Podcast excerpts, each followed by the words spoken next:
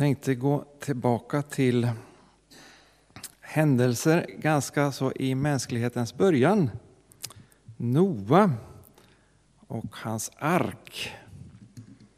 När vattnet, ja, arken hade stannat på berget Ararat. Och det verkar på arken som den var konstruerad så att man inte kunde se rakt neråt. Den var en öppning upp till, men kanske gick det inte att se neråt. Så Noa han undrar ju om det fanns mark att gå ut på. Man släpper kanske inte ut massor med djur om det är vatten att plaska i fortfarande. Så han släppte ut någonting för att kolla. Först släppte han ut en korp. Men korpen det var en, en fågel som var väldigt duktig flygare. Den kunde termiksegla och den for omkring och det... Ja, nej, tänkte nog Noa, ja, vi måste ta en fågel som behöver landa. Så han tog en duva. Så släppte han ut den. Och duvan hittade ingen plats att landa på. Så Noa han räckte ut sin hand igen och duvan fick komma tillbaka in i arken. Så väntade han en vecka, så släppte han ut duvan på nytt. Och nu kom den tillbaka med en olivkvist i näbben. Så duvan ville liksom visa att nu finns det grönska här ute. Så väntade han en vecka till och så släppte han ut duvan. Och nu kom den inte tillbaka.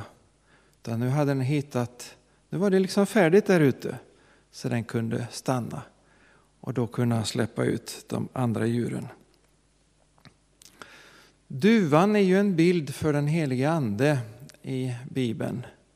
Och den här händelsen den är en väldigt fin beskrivning för hur Anden kommer till mänskligheten. I Gamla testamentet så är det som att Guds ande finns ju med och verkar, absolut. Och gör ganska kraftfulla nedslag emellanåt. Men det är som att anden kommer och, och kommer tillbaka. Det är liksom inte färdigt där ute för att landa. Men Jesus han säger till sina lärjungar att det är bäst för er om jag lämnar den här världen. För då kan hjälparen komma till er, den helige Ande. Och han ska vara hos er för alltid. I och med att Jesus dog och uppstod för oss människor så beredde han marken så att det liksom var färdigt för duvan, den helige Ande, att landa. Och vi kunde ta emot Gud själv osynlig i våra liv. Och på pingsten händer ju det här då att anden kommer utgjuten över allt kött, kommer till vår värld för att stanna. Och alla som är kristna bär den helige Ande i sitt hjärta. Vi har inte möjlighet att tro på Gud utan att det är ett verk av den helige Ande. Men anden är också utgjuten över allt kött, står det. Och det är intressant att se hur anden har verkat genom historien eh, och påverkat oss människor. Och jag tycker man kan se, om man läser i Gamla testamentet, att mänskligheten hade inte blivit påverkad på samma sätt av Guds kärlek på den tiden. När Noa sände, eller när Gud sände floden och, och, och Noa behövde vara i arken, då står det innan det att människornas alla tankar var alltigenom onda. Ja, det är ju ganska bedrövligt. Riktigt så bedrövligt är det inte idag, eller hur? Det finns en och annan som tänker en god tanke. Så någonting har liksom hänt. Anden har påverkat. I Gamla testamentet ser vi att kulturen är liksom ganska svår att förstå sig på i vårt perspektiv. Det fanns lust till hämnd på olika sätt. Och, och, och, det som, som en del idag uppfattar som, som någon form av hårdhet, öga för öga, tand för tand. Det uppfattade man förmodligen på den tiden som en begränsning för att hämnden inte skulle bli för stor och så vidare. Anden har påverkat och vi kan se att mänskligheten idag. Även människor som inte kanske synligt sett har med Gud att göra är påverkade av Guds ande. Och det är någonting fantastiskt tycker jag. Anden kommer till oss på olika sätt. Han möter oss sådana vi är med det vi behöver. Och det som Gunilla har illustrerat här är ju en sida av det hela. Men anden kommer ju på en mängd olika sätt. För att vi inte ska vara ensamma så kommer han som hjälparen och han ska lära oss och påminna oss om allt som Jesus har sagt oss. Jag har tänkt i den här predikan att utifrån pingsttexten där anden kommer med som en våldsam stormvind och som tungor av eld. Där kommer anden för att stanna. Så har ändå funderat på, finns det några nedslag i Gamla Testamentet av anden som liknar detta? Ja, men det gör det ju massor egentligen. Och det räcker egentligen att gå till en enda profet, Elia, så kan vi hitta båda de här sakerna på varsitt berg. Berget Karmel och berget Horeb. Jag tänker läsa texter där, de är mycket spännande. Och eh, häng med och lyssna eller läs. Vi går till Första Kungabokens artonde kapitel, vers 22. Situationen är den att det finns en massa Baals profeter och eh, Herrens profeter är liksom jagade och här blir en slags tävlingssituation där, där frågan är vem är Gud egentligen? Eh, jag läser från vers 22. Då sa Elia till folket jag är ensam kvar som Herrens profet och Baals profeter är 450 man. Ge oss två tjurar och låt dem välja ut åt sig den ena tjuren och stycka den och lägg den på veden utan att tända eld. Sedan ska jag göra i ordning den andra tjuren och lägga den på veden utan att tända eld. Därefter kan ni åkalla er Guds namn, men jag ska åkalla Herrens namn. Den Gud som svarar med eld, han är Gud. Allt folket svarade, ditt förslag är bra. Elias sa till Baals profeter, välj ut åt er den ena tjuren och gör i ordning den. Ni får välja först, eftersom ni är fler. Åkalla därefter er Guds namn, men tänd inte elden. Då tog de tjuren som han gav dem och gjorde i ordning den. De åkallade Baals namn från morgonen ända till middagen och ropade Baal svara oss, men inte ett ljud hördes och ingen svarade. Och hela tiden dansade de omkring altaret som man hade byggt. När det blev middag retades Elia med dem och sa Ropa högre! Visst är han en gud, men han kanske sitter försjunken i tankar eller så är han upptagen eller på resa. Kanske sover han, men då kan han väl vakna. Då ropade de ännu högre och ristade sig som de brukade med svärd och spjut så att blod rann på dem. När det blev eftermiddag eh, profeterade det extatiskt ända tills det var eh, tid för matoffret. Men inte ett ljud hördes.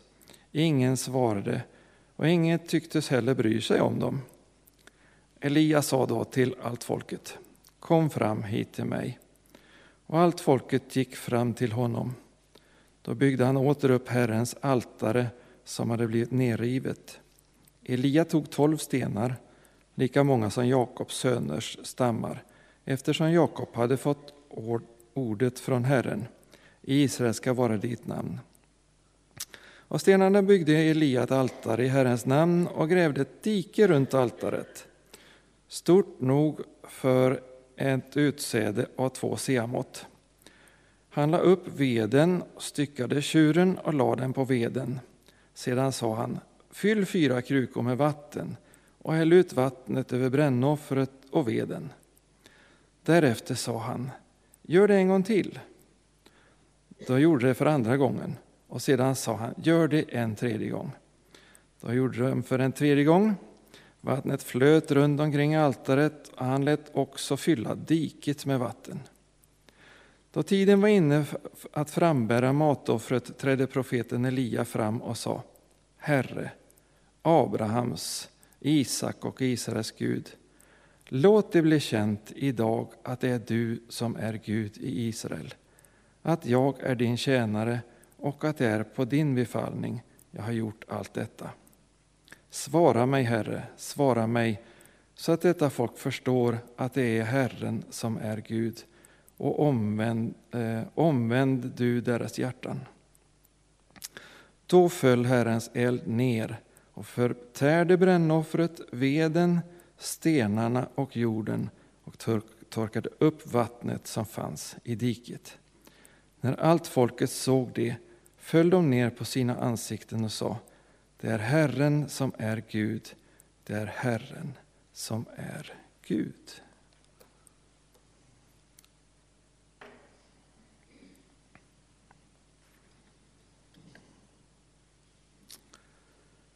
Ja, i det ena fallet, Baalsprofeterna, så var det ganska mycket mänsklig kraft och rörelse.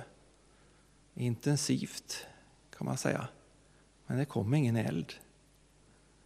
I det andra fallet så var det ganska stillsamt. Enkelt, en mans bön. Men Herren kom med sin eld och sin kraft. Och den var långt mycket kraftfullare än vad som hade behövts för att tända veden. Den där händelsen tycker jag är en lärdom för oss när vi ska fundera på hur vi hanterar anden och det karismatiska. Hur gör vi egentligen? Beter vi oss som Baalsprofeterna eller som Elia? Risken är att det blir ganska mänskligt i vissa sammanhang. Att man på något sätt gör det högljutt ur ett mänskligt perspektiv. Att försöka hjälpa Gud på något sätt. Se till att det är tillräckligt torrt så att det kan ta eld. Nej, vad gjorde Elia? Han hällde på vatten. Han gjorde tvärtom. Nu tror inte jag det är fel att till exempel spela piano lite suggestivt i bakgrunden när man ska göra en inbjudan. Det kanske hjälper någon att ta ett beslut. Men Gud behöver egentligen inte det. Nej, för Gud är verklig. Och han kan tända eld på det allra suraste. Vad det finns en vilja att ha med honom att göra. Så det där kan vara en lärdom för oss.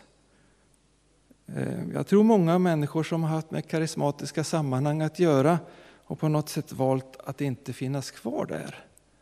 De har blivit trötta på att det ibland har blivit ganska mänskligt.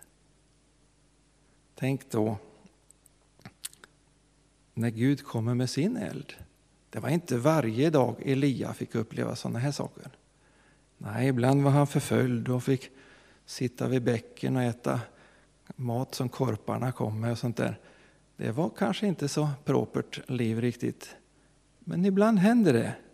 Och på något sätt så får man låta Gud bestämma när. Och så får vi finnas inför honom. Den andra texten som då handlar om vinden, den hittar vi i 19 kapitlet.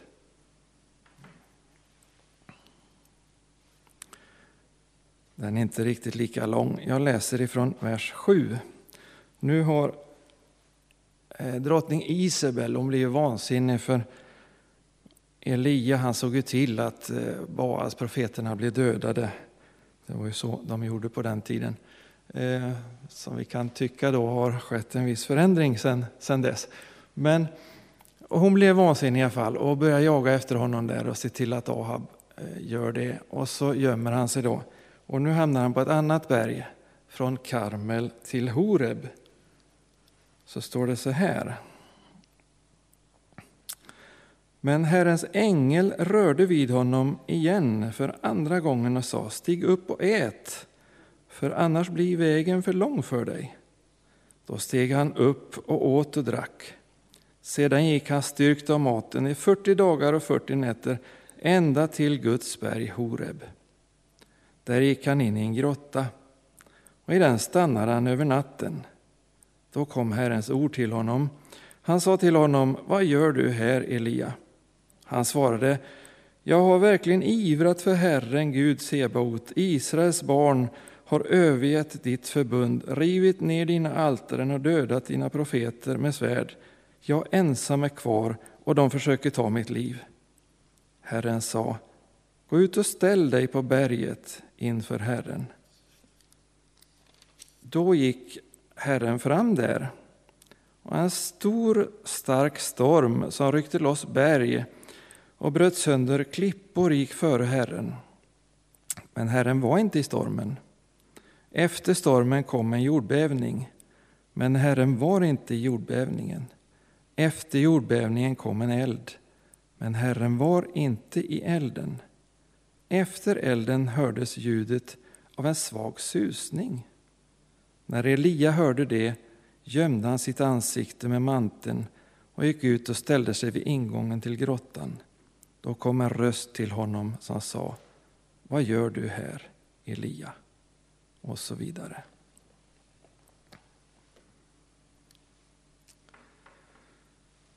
Ja, stormen den gick före, men Herren var inte i den stormen.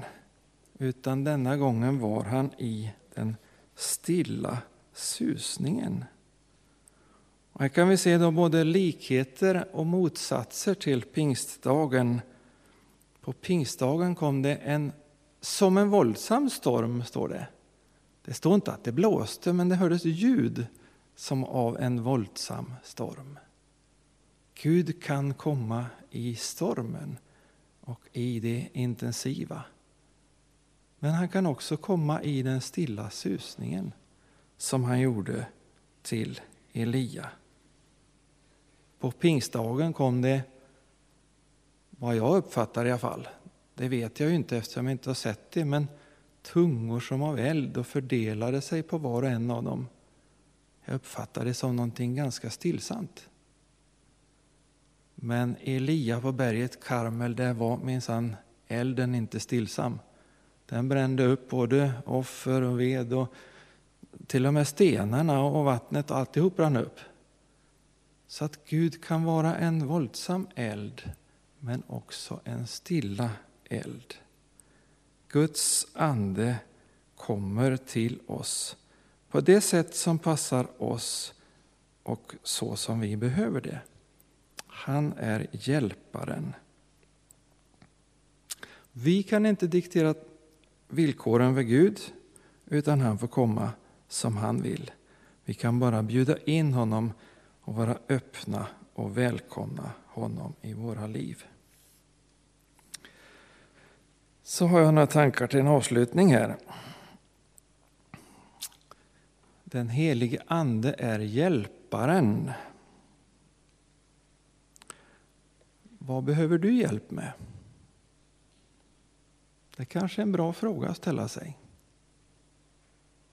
Om det finns någon som erbjuder hjälp så innebär det inte att han kommer att leva livet åt oss och göra allting åt oss. Utan vi behöver nog leva våra liv och upptäcka vad vi behöver hjälp med.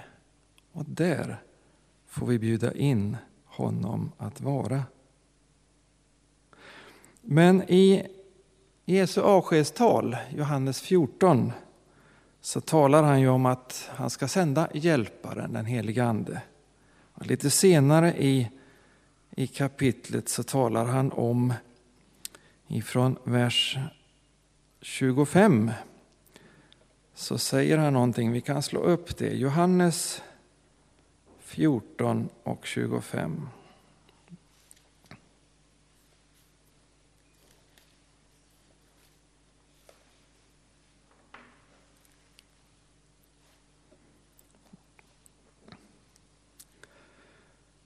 Detta har jag sagt er medan jag ännu är kvar hos er, men Hjälparen, den helige Ande, som Fadern ska sända i mitt namn.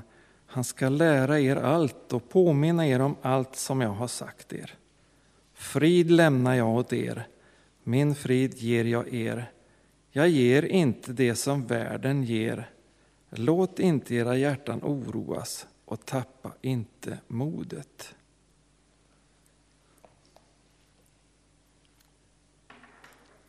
Här får vi några förslag på vad hjälparen, den helige Ande, vill hjälpa oss med. Först och främst relationen till Jesus. Han ska påminna oss om vad Jesus har sagt och hjälpa oss att hålla oss nära honom. Det handlar om tron. Det handlar om att vara kristen. Ingen människa kan tro på Gud i egen kraft. Det är omöjligt. Så därför vet vi egentligen inte hur vi gör när vi tror. Därför att det är en gåva från Gud. Däremot kan alla människor bli troende för att Gud erbjuder den gåvan till alla. Så vi får ta emot den och säga jag vill tro på dig Jesus. Och då får vi den gåvan. Men om någon frågar mig hur gör du när du tror? Har du ställt dig den frågan? Ja, det går inte att svara på. Jag vet inte det. Därför att det är inte egentligen jag som tror, utan det är den heliga Ande som verkar tro i mitt liv. Det är en gåva. Och då påminner den heliga Ande om Jesus och allt vad han har sagt. Han hjälper oss också med frid, står det. Frid som är något annat än vad den här världen kan erbjuda. Som inte beror på ekonomisk trygghet och att vi har fred i landet och en god hälso och sjukvård. Utan som finns där oberoende av yttre omständigheter. Och det avslutande är att han vill ge oss ett hopp. Ett hopp som är en sån bristvara i vår tid. Tänk, det vill den helige Ande hjälpa oss med. Ett hopp om att Gud är med oss, både nu men också i evighet. Vi ber tillsammans. Helige Ande, tack för att du har kommit för att vara hos oss alla. Tack för att du finns i våra hjärtan och verkar tro och frid och hopp och kärlek. Tack för att du bor där tryggt och att vi får välkomna dig att komma, få ännu mer utrymme i våra liv. Kom med mer utav det som är dig själv och ditt liv och din välsignelse. Vi längtar efter att få se mer av ditt rike redan här och nu. Och vi erbjuder dig att verka genom våra liv genom dina gåvor och genom din frukt. Och jag skulle i alla fall tycka det var intressant att få se sådana saker som på Karmel. Men det är du som väljer när och hur. Och vi tackar dig för att det inte är beroende av om du är med oss eller inte. Utan du kan också finnas där i den stilla susningen varje dag och varje stund i vår närhet. Tack för det Herre. Amen.